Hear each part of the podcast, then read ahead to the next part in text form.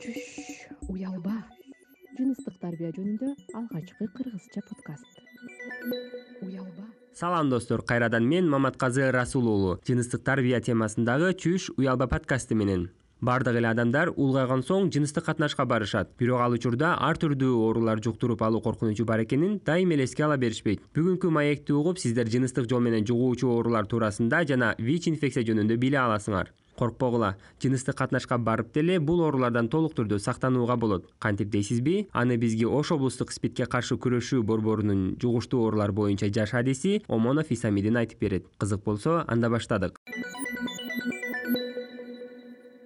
вич эмне жана вич позитивдүү адам ким? Вич дегенде жобосун кыргызча бул аив инфекциясы.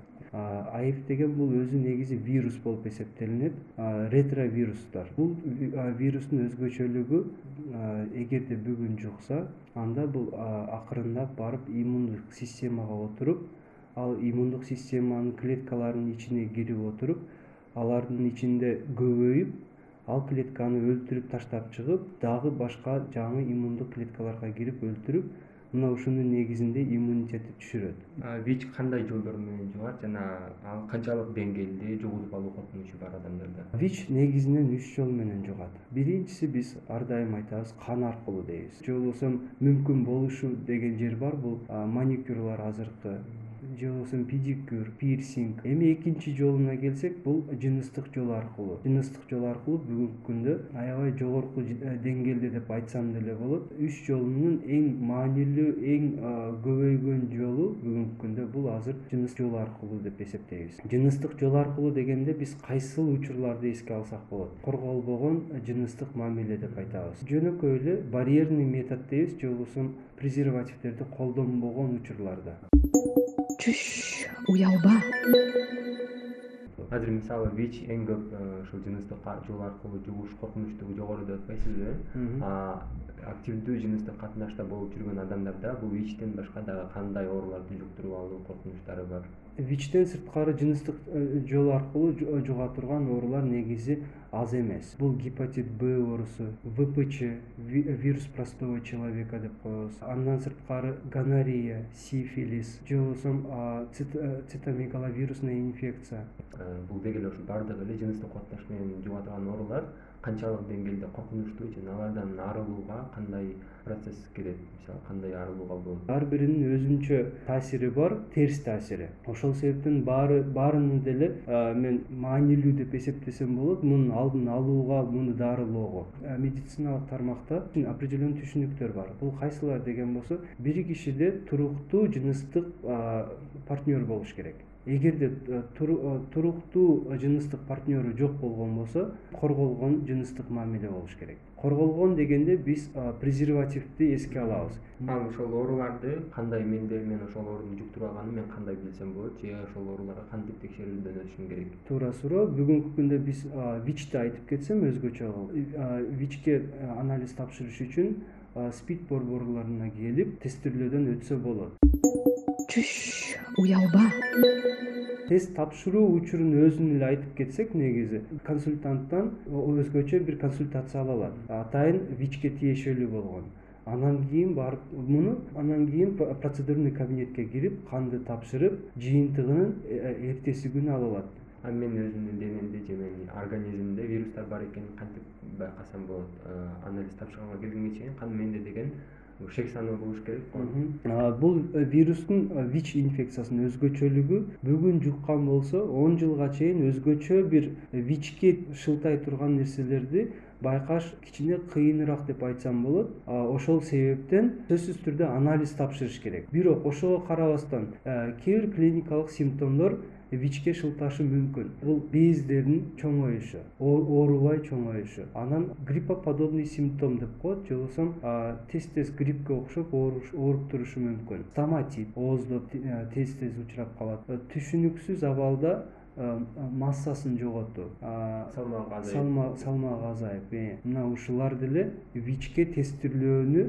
ар бир адамга шылташы мүмкүн. Мисалы мен деле мектепте окуп жүргөндө ошол декабрдын биринчи жумасында фаптан атайын келип спид боюнча же вич боюнча түшүнүк беришет эле да кандай өтөт депчи. А бирок ошол учурда мисалы кантип өзүн сактануу керек же жыныстык катнашта кантип сактануу керек экени жөнүндө андай маалыматтар берилбейт болчу да мисалы сиздин жеке оюңузча ошол региондордогу жаштарда жыныстык катнашта болуп жатканда э, коргонуучу каражаттар боюнча контрацепцияларга канчалык деңгээлде мүмкүнчүлүктөрү бар. Бул нерсе бизге аябай маанилүү маселе болуп эсептелет көпчүлүгүндө мен айтып кетем ата энелер биздин балдарга бул маанилүү эмес деп эсептешет. Себеби балам он сегизге чыга элек жыныстык мамилеге бара элек андай мамиле жөнүндө түшүнүккө келе элек деген ойдо бар. Бирок биз эмнени байкап келебиз? Он сегизге чыга элек балдардын арасында балдар кыздардын арасында сексуалдуу мамиле көп экендигине биз чүш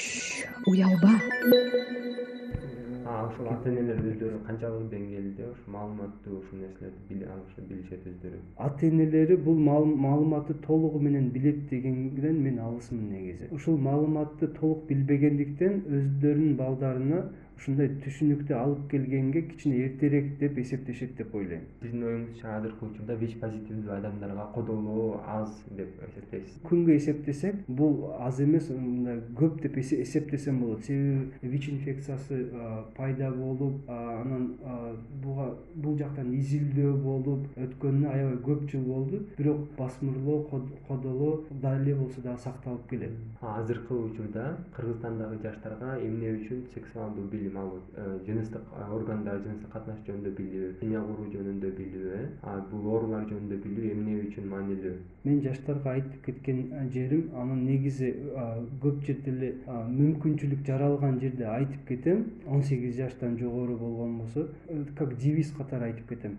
Туруктуу жыныстык партнеруңуздар болуш керек деп айтам. Эгерде андай нерсе жок боло турган болсо же болбосо корголгон жыныстык мамиле болуш керек. Мына ушул аябай маанилүү болуп эмне себептен дегенде эми эле жашоого чоң жашоого кирип келеаткан жаш балдарыбыз серьезный ооруларга дуушар болуп өзүнүн кийинки келечегине балта чабып калуусу бизди кичине өкүндүрүү жолуна алып келет дагы ошол себептен мындай нерсе болуп калбаш үчүн бул бала азыр деле эмес кийинки деле убакытта сексуалдуу активдүү жүрүшүнө биз кызыктар болуп эсептенебиз бирок бул нерсе өзүнүн туруктуу жыныстык партнеру менен болуш керек деп эсептейбиз. Канчалык деңгээлде мисалы адамдын жашоосунда сексуалдуу бул жашоо образын алып жүрүү маанилүү. Секс кылбай эле жашаса болобу жок секс кылбай жашаса болот деп ойлобойм себеби бул аябай маанилүү бул тукум булоого маанилүү бул ден соолукту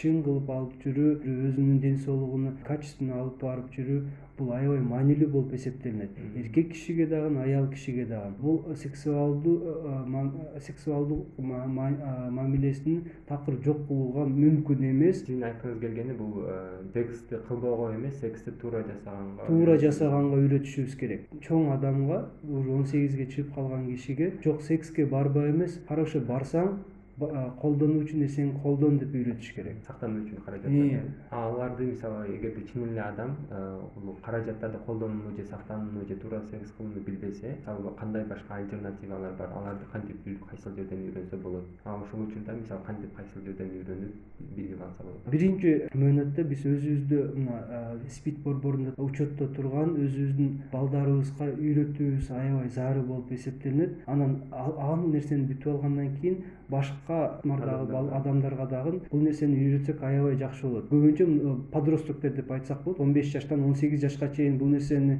таратсак үйрөтсөк аябай маанилүү эле деп эсептейм. А сизде да азыр ошол нерсе барбы болуп жатабы? Биз бул нерсенин стартында турабыз биз бул нерсени азыр сунуш кылып атабыз. Ушул нерсени үйрөтөлү ушул нерсе менен жашаганды үйрөтөлү барба кылба эмес мынаны туура кыл мындай кыл деп үйрөткөнү барган аракет кылып чүш уялба жыныстык жол менен жуктурган ооруларды жуктурган адамдардын көбүнчөсү кайсыл э, жаш курагындагылар болот азыркы күндө мына он сегиз жаштан баштап кырк жашка чейин деп айтсам болот бул жанагы сексуалдуу жактан активдүү курак учуру экинчисинен бул репродуктивный э, э, возраст курак репродуктивный деген бул төрөй турган төрөтө турган убакыт. Мына ушул он сегиз жаштан кырк жашка чейинки аялдар кишилер кыздарыбыз жигиттерибиз көбүрөөк вич позитивдүү болуп чыгышып келип жатат. Алардын ичинен мен айтсам бул ички жана сырткы миграцияга дуушар болгондор көбүрөөк деп айтсам дагы болот. Түш уялба бүгүнкү подкасттымды угуп бир топ билимдерди ала алдыңар деп үмүт кылам анткени денис ак жашоо эң негизгиси эмеспи. Подкасттарды даярдаган мен маматказы расул уулу маектешим ош облустук спидке каршы күрөшүү борборунун жугуштуу оорулар боюнча адиси омонов исамидин болду. Сактануудан үйрөнүүдөн уялбагыла. Жыныстык тарбия темасындагы менин подкаст долбоорума сорос кыргызстан фонду көмөк көрсөттү